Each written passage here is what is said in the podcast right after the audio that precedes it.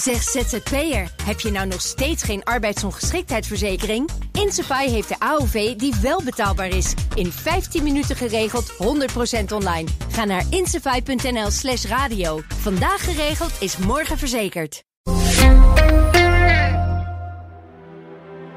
De Reichsbürgerbeweging liet vorig jaar in Duitsland maar weer eens zien... hoe belangrijk het is om een goede inlichtingendienst te hebben... Na een maandenlange operatie werden prins Heinrich Royce XIII en zijn handlangers van hun bed gelicht. Heute früh einen der größten Antiterror-Einsätze in der bundesdeutschen Geschichte ausgelöst.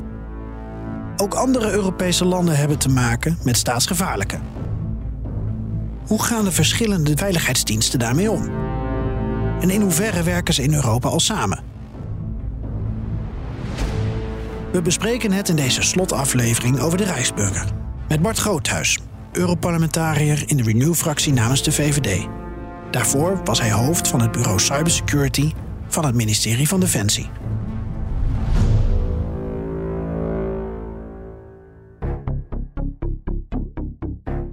De aanleiding voor deze uh, aflevering in uh, Dossier Europa is de reeks die onze correspondent heeft gemaakt in Duitsland over de Rijksburgerbeweging. En dan denk je misschien, ach, een prins en wat handlangers, wat een mooi sprookje. Maar de Duitse autoriteiten hebben niet voor niets zo uitgepakt. Hoe gevaarlijk was dit? Nou, op een gegeven moment hebben ze volgens mij gezien dat ze niet alleen samenkwamen in het jachtslot van die prins, maar dat ze ook eh, met wapens uh, uitdeelden. En dat uh, het ook zo was dat ze iets moesten ondertekenen. Dat als je zou spreken over het geheime complot wat ze aan het voorbereiden waren, dat het mogelijk met de dood bekocht zou worden. Er zaten serieuze mensen bij, ook in de rechterlijke macht, oud-militairen. En dan gaat het ook het staatsapparaat mee. En dat was echt het idee om in 286 verschillende locaties milities op te richten, om politici op te sluiten, op te pakken. En als er dan concrete voorbereidingshandelingen door een dienst worden aangetroffen, dan kun je niet anders dan handelen en ingrijpen. Want Duitsland heeft als grote trauma de Weimar-republiek, waar het niet is ingegrepen. En ik denk dat het eh, ook onterecht is, niet, niet is ingegrepen destijds.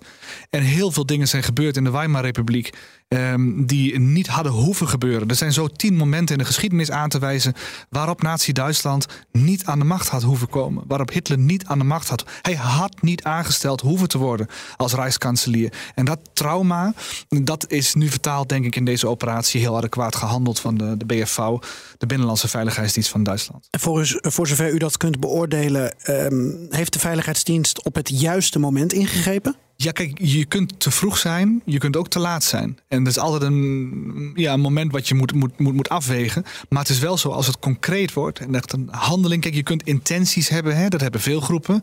Um, en je kunt ook de capaciteiten hebben. Je kunt ook de wapens bijvoorbeeld hebben om iets te doen. Maar uh, de vraag is altijd, het derde element, wanneer de activiteiten uh, ook plaatsvinden. En dat is het derde element om iets concreet te maken, actionable te maken. En op het moment dat dat gebeurt, moet je dan is de, het, handelingsperspectief het enige wat telt en dan moet je ingrijpen. Ik vraag het omdat aan de ene kant kun je stellen dat er een, een staatsgreep is vereideld. Aan de andere kant zeggen mensen dat klinkt heel groot, want er was nog geen sprake van een kapitoolbestorming zoals we in de VS hebben gezien. Maar dan uh, zegt u uh, er is voorkomen dat het groter is geworden. Ja, absoluut. Ik denk dat je dat kunt aantonen als je gewoon het plan hebt om op 286 locaties eh, lokale politici en, en, en, leden van de Bondsdag op te sluiten. Met alle gevolgen van dien. Om een staatsgreep te plegen en dat, wordt, dat, dat concretiseert zich zodanig. Ja, dan moet je ingrijpen. Kijk, um, het te laat zijn is een grotere faux pas dan het te, eh, te vroeg zijn. En ook daar is denk ik een uh, goede afweging gemaakt. De Duitse inlichtingendienst was er dus op tijd bij. Bij die gigantische operatie door heel Duitsland werd een gemeleerd gezelschap aangehouden. Eine der Beschuldigten wird hier zum Ermittlungsrichter in Karlsruhe geflogen. Es ist eine ehemalige AfD-Bundestagsabgeordnete, die bis heute wieder als Richterin in Berlin arbeitete. Einer der mutmaßlichen Anführer, Heinrich der 13. Prinz Reuß.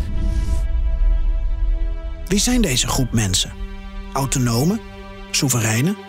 Staatsgevaarlijke? Het is in ieder geval een groep die volgens Groothuis tijdens de coronacrisis groot is geworden. De Duitse um, dienst heeft daar wel naar buiten gebracht dat tijdens corona heel veel verzet is gekomen tegen de staat, de Duitse staat. Dat hebben we in Nederland ook gezien.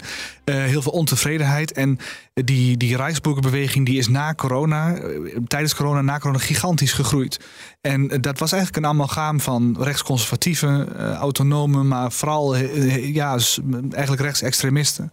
En um, ik, denk dat, ik denk wel dat dat in elk land wel aanwezig is, maar in Duitsland wel heel erg. En uh, je hebt nog altijd wel gewoon facties in de Duitse samenleving, zou maar zeggen, die uh, vindt dat Duitsland alles is afgenomen. En uh, dat is begonnen in 1918 met de dolkstootlegende, waarin de hoge militairen zeiden: het zijn de sociaaldemocraten en de democraten die ons uh, Versailles op, hebben, op de mouw hebben gespeeld. We hadden makkelijk die Eerste Wereldoorlog kunnen winnen. Wat niet was. Duitsland was militair objectief gezien. Alle historici zijn het er wel over eens. Uitgespeeld. Maar de dolkstootlegende van politici hebben ons verkocht. Dat zie je na de Tweede Wereldoorlog weer. En dat zie je eigenlijk met de creatie van de NAVO weer. Het einde van de muur zie je het weer. Die dolkstootlegendes blijven rondgaan. En dat, dat trekt altijd weer nieuw uh, ja, nieuw personeel, zeg maar, die zich daarin uh, in bekwaam. Maar ik vind het echt onzin. En die moet het echt bestrijden, want het is eerder echt fout, fout gegaan in de geschiedenis. En het kan zich herhalen. Ja, we hebben de Duitse staat verkocht aan wereldmachten, zeggen ze dan, waaronder de Europese Unie. Nou, buiten het feit dat het een compliment is voor de EU om een wereldmacht te zijn, denk ik dat er verder niet een compliment in zit. Nee, dat is ook niet zo bedoeld. Het zijn uh, echt uh, halve garen natuurlijk. Maar kijk, um, je hoeft zo niet te serieus te nemen. Waar je ze serieus in moet nemen, is in hun voornemen tot geweld. Daar ligt de grens. En ook voor de rechtsstaat. En daar moet je ingrijpen. Dat is wat hier gebeurd is. Ziet u dat elders in Europa ook. Um, dat het gevaar uh, op, op geweld en escalatie bij dit soort staatsgevaarlijke groot is? Nou, kijk, er zit in. Kijk, bijvoorbeeld uh, anarchisten hè, aan de linkerzijde heb je ook. En waar je ook komt, in welk station ik ook uitstap uh, in Europa of waar ik ook land, altijd zie je wel die anarchistische tekens. En dat gaat al, al hè, die, laten we niet vergeten dat die ook um, jaar geleden overal in, in, Europa politici aan het vermoorden waren. Hè? In Spanje bijvoorbeeld, en een anarcho-syndicalisten, anarchisten. En dat, dat, dat, is nooit weggegaan. Ook in Nederland nu, ook in alle landen in Europa heb je linksextremisme. Rechtsextremisme geldt hetzelfde voor. De flanken kunnen gevoed worden, zeker als het misgaat in de economie of in de werkloosheidssfeer of in de coronasfeer dat mensen zich beknot voelen. Dan heb je dus een extra voedingsbodem en dan moet je denk ik extra alert zijn om de boel bij elkaar te houden en het midden te versterken. De center must hold.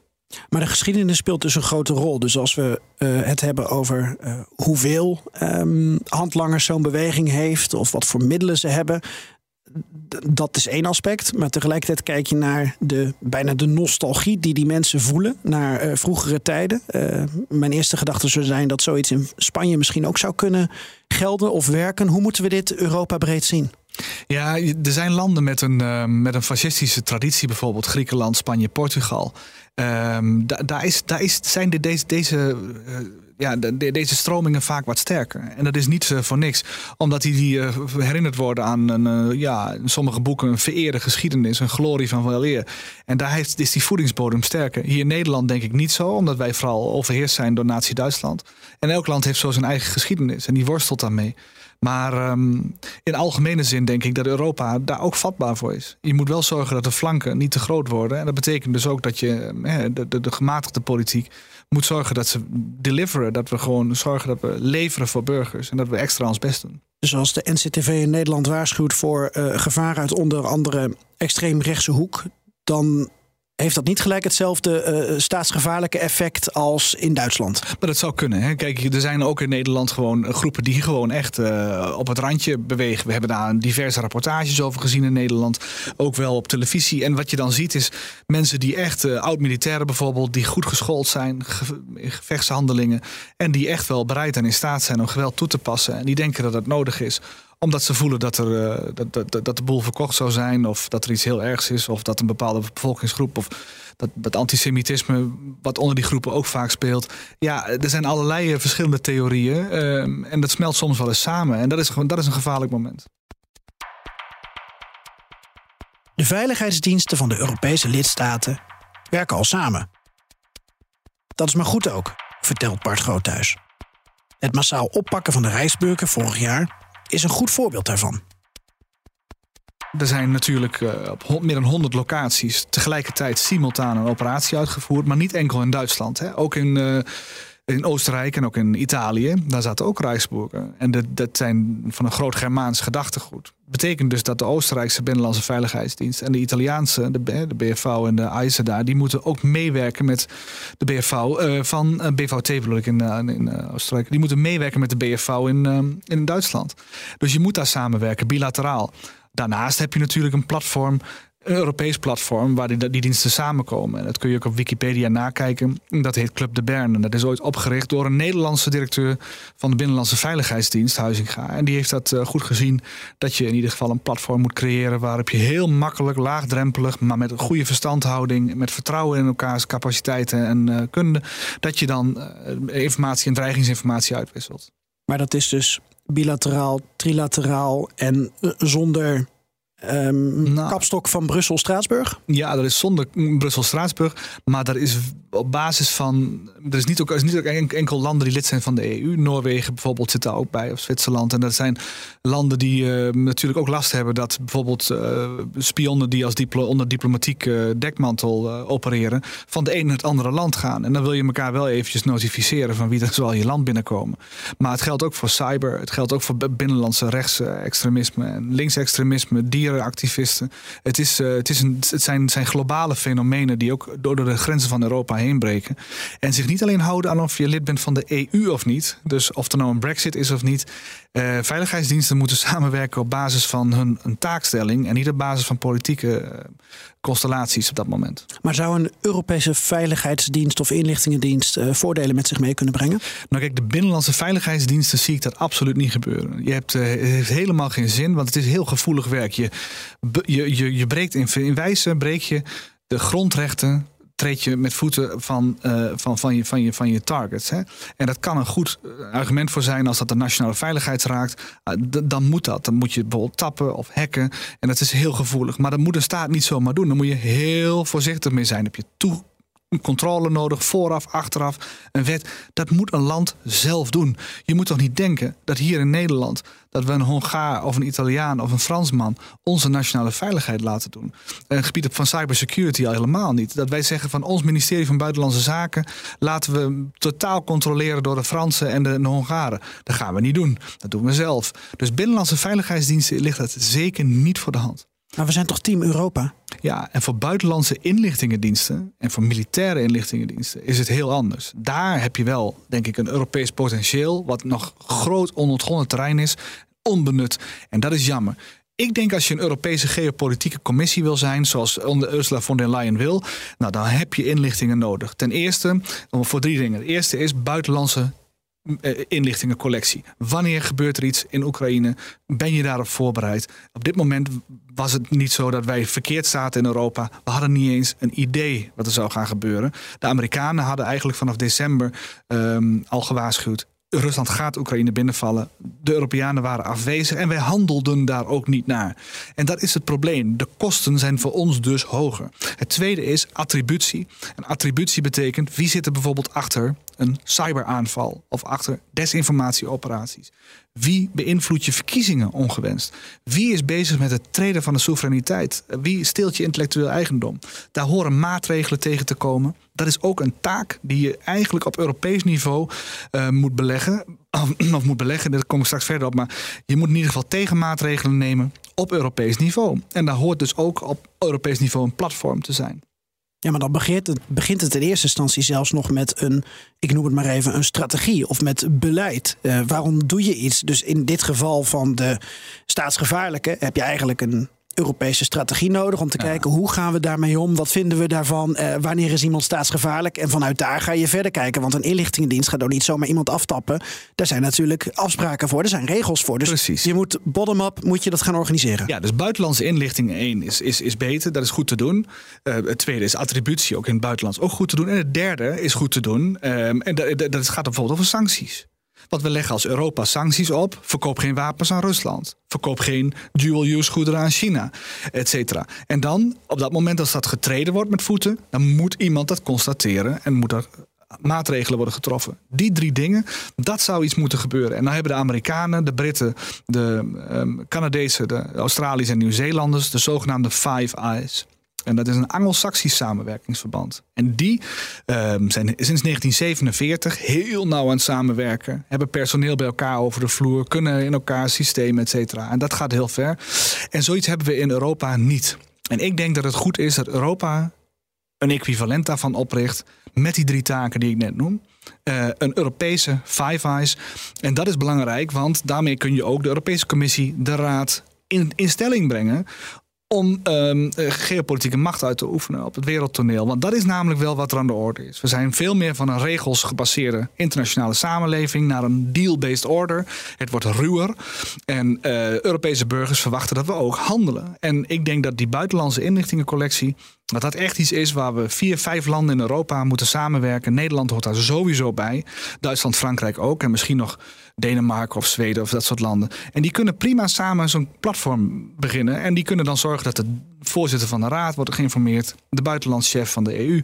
En op die manier ook een, ja, een, een, een, een stevige positie in de wereld kunnen, kunnen, kunnen bewerkstelligen voor Europa. En dat helpt ons ook tegen bewegingen zoals de Rijksburgerbeweging? Nee, nee, dat is echt een nationale competentie, nationale aangelegenheid. Daar is echt die samenwerking, wat ik net zei, die Club de Bern, prima, dat bestaat reeds. Laten we dat vooral houden. En bilateraal, trilateraal, whatever works.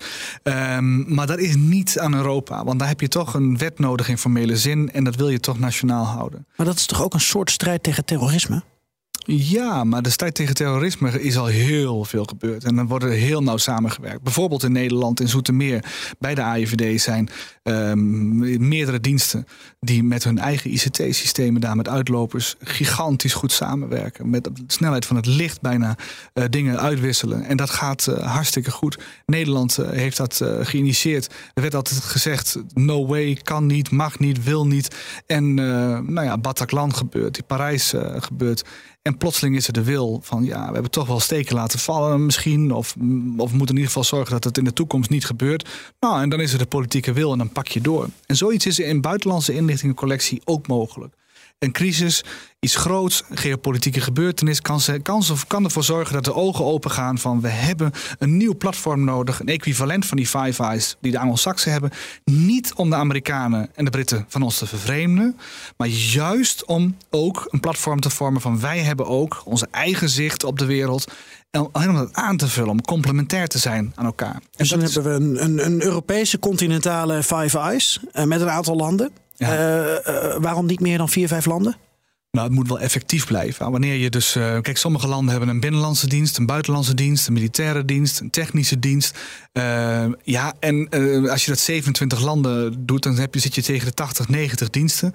Dat werkt niet. Dus als je het klein houdt en vertrouwd houdt met landen die al samenwerken en die ook hè, in Europa de as vertonen van Duitsland, Frankrijk, dan heeft het ook gezag en dan heb je de middelen. En dan kun je ook iets doen. Kijk, het probleem is, um, wat, je, wat je wil, als, het, wordt, het wordt heel gevoelig. Hè? Als je op een gegeven moment attributie gaat doen van, uh, van wie er achter een cyberaanval zit. Of je bent in het buitenland bezig, dan wil je opperst vertrouwen hebben. En je kunt met de middelen die je hebt, en als je heel veel weet hoe een andere dienst opereert, kun je ook andere operaties opsporen. En dan wordt het heel erg ingewikkeld om samen te werken, omdat daar je nationale geheimen heel snel bij een ander bekend worden. Welke operaties je elders nog in de wereld hebt lopen. En dat is ingewikkeld. En daar is extreem veel vertrouwen voor nodig. En daar, maar die stap hebben de Anglo-Saxische landen in 1947, vanaf 1947 gemaakt. En het wordt tijd dat de Europeanen dat ook doen. En hebben de Chinezen weer het mooie spreekwoord. De beste moment om een boom te planten is 30 jaar geleden. Maar het ene beste moment is toch vandaag beginnen. En daar pleit ik dan voor. Zorg dat we ergens die boom planten de komende tijd. Want we hebben, gaan het meer nodig hebben. In alle scenario's, zoals ik het zie, hoe de wereld zich kan ontwikkelen, heb je zo'n soevereine capaciteit nodig. En dat hoeft dan niet onder gezag van uh, Brussel, maar kan wel in samenwerking met. Ja, het moet vooral ten dienste staan van het geopolitieke belang dat Brussel heeft voor alle individuele lidstaten. En die vier, vijf landen die kunnen ook uh, zo hun uh, informatie geven dat iedereen daar ehm, van benefit, van profiteert. En dus en voor sancties, en voor buitenlandse en militaire inlichtingencollectie, en voor attributie voor al die aanvallen. En het is heel erg belangrijk dat iedereen ook inziet van als daar een goed functionerend mechanisme is dat Europa als geheel daar beter van wordt. En dat is denk ik wel waar het naartoe moet. En dat zou dan bij onze Intel eurocommissaris komen. Ik weet even niet wie dat is. Nou, dat is er nog niet. Hè? Dus uh, we, zouden, we, we, zitten te praten om een eigen defensiecommissaris te krijgen. Omdat de defensieindustrie uh, aangezwengeld moet worden. Maar zoiets zou ook bijvoorbeeld onder zo iemand kunnen vallen. Maar misschien ook onder niemand. En dat de bureaucratie zich er juist niet mee bemoeit. En dat de dienstenhoofden dat zelf doen, trilateraal of met z'n vier of vijf. En dat ze zeggen van wij bieden dit aan. En er zit geen sturing op. Want het allerbeste voor die diensten is dat er niet te veel ambtelijke sturing op zit. Maar dat die binnen de kaders van de recht, democratische rechtsorde hun werk goed kunnen doen. En met alle controle voor en achteraf. Samenwerken dus. Met duidelijke kaders. Dan rest nog één vraag. Hoe groot is de kans dat ook in Nederland een groep als de Rijksburger opstaat? Je moet altijd uh, zo, moet je, moet je weten dat er altijd een voedingsbodem is voor mensen die deze gedachten hebben. En dat is in elk land. In Luxemburg, in Nederland, in Italië. En je moet altijd zorgen dat uh, geweld en oproep tot geweld of haat, dat daar duidelijke grenzen in de wet staan. En dan moet je, de diensten moeten daar hard tegen optreden. In de zin van dat ze goed onderzoek moeten doen en dan vervolgens aan de justitiële sfeer overgeven op het moment dat het dreigt mis te gaan. En dat is denk ik wat, wat Nederland gewoon heel goed in is. En andere landen ook. En laten we dat zo houden. Goed dat je luisterde naar onze eerste serie in Dossier Europa over de Rijksburger in Duitsland. Speciale dank aan onze dossiervreter Guy Hoeks en aan Bart Groothuis. De volgende reeks speelt zich af in Kroatië, het land dat als laatste is toegetreden tot de Europese Unie. Wat heeft het lidmaatschap Kroatië gebracht en wat niet? Abonneer op deze podcast en mis niets.